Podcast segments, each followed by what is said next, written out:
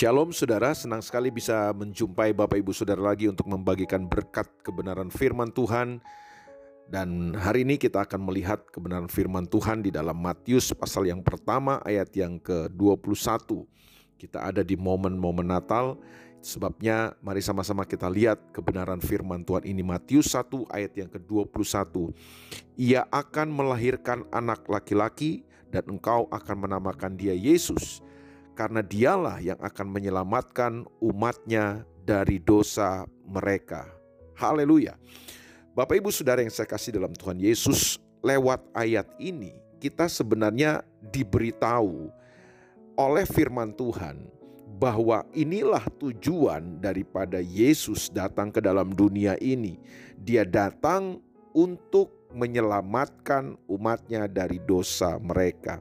Jadi Yesus datang yang kita peringati sebagai hari Natal itu bukan sekedar supaya kita bisa masuk sorga, jadi Yesus datang ke dalam dunia ini bukan sekedar untuk lahir lalu dia melayani di dunia ini, mati di kayu salib buat hidup kita dan untuk menebus kita, menebus dosa kita, menyelamatkan kita dari dosa kita itu pemahamannya bukan sekedar supaya kalau kita mati bisa masuk sorga atau dia bisa membawa kita masuk sorga. Nah kata menyelamatkan umatnya dari dosa mereka yang menjadi misi utama dan tujuan Tuhan Yesus datang ke dalam dunia ini adalah dia ingin mengembalikan kita kepada tujuan dan rancangan Tuhan yang semula. Jadi kata menyelamatkan di situ punya pemahaman, punya pengertian bukan sekedar supaya kita bisa masuk sorga, tapi lebih kepada pemahamannya supaya kita bisa dikembalikan kepada tujuan dan rancangan Tuhan yang semula. Kita sama-sama tahu bahwa manusia diciptakan dari sejak semula dengan sebuah tujuan supaya dalam keserupaan dengan Tuhan manusia bisa berkuasa, manusia bisa memerintah bumi ini. Nah, itulah tujuan, itulah rancangan Tuhan dari sejak semula menciptakan manusia. Tapi saya sayang manusia kemudian jatuh dalam dosa. Nah, jatuh dalam dosa itu bukan jatuh dari sorga. Manusia tidak pernah jatuh dari sorga, manusia jatuh ke dalam dosa.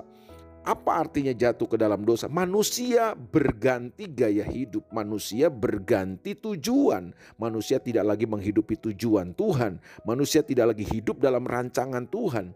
Itu sebabnya dosa dalam bahasa Perjanjian Lama dipakai kata bahasa Ibrani hamartia yang artinya meleset dari tujuan, menyimpang dari tujuan, meleset dari sasaran. Nah, Yesus datang ke dalam dunia ini untuk apa? Untuk menyelamatkan umatnya dari dosa. Itu artinya kita dikembalikan lagi kepada tujuan yang semula. Supaya manusia, supaya kita semua bisa menghidupi lagi tujuan-tujuan Tuhan. Supaya kita bisa lagi menghidupi kualitas Tuhan. Supaya kita bisa menghidupi lagi karakter sifat Tuhan dalam kehidupan kita.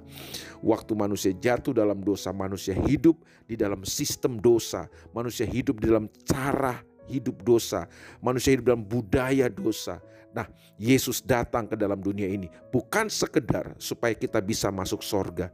Yesus datang ke dalam ini menyelamatkan hidup kita bukan sekedar supaya kita kalau mati bisa masuk sorga, tapi supaya kita bisa kembali hidup di dalam tujuan-tujuan dan rencana Tuhan yang semula buat kita, yaitu menjadi serupa dan segambar dengan Tuhan Yesus, supaya kita bisa berkuasa dan memerintah di bumi ini bersama dengan Dia, menghidupi budaya kerajaan Allah, menghidupi kualitas Tuhan dalam kehidupan kita. Mari, saudaraku, di Natal ini, biarlah kita sama-sama menyadari bahwa Yesus datang ke dalam dunia ini supaya kita bisa kembali menghidupi kemuliaan Tuhan, menghidupi kualitas Tuhan, menghidupi sistem kerajaan Tuhan di dalam kehidupan kita dan menyatakannya kepada dunia ini.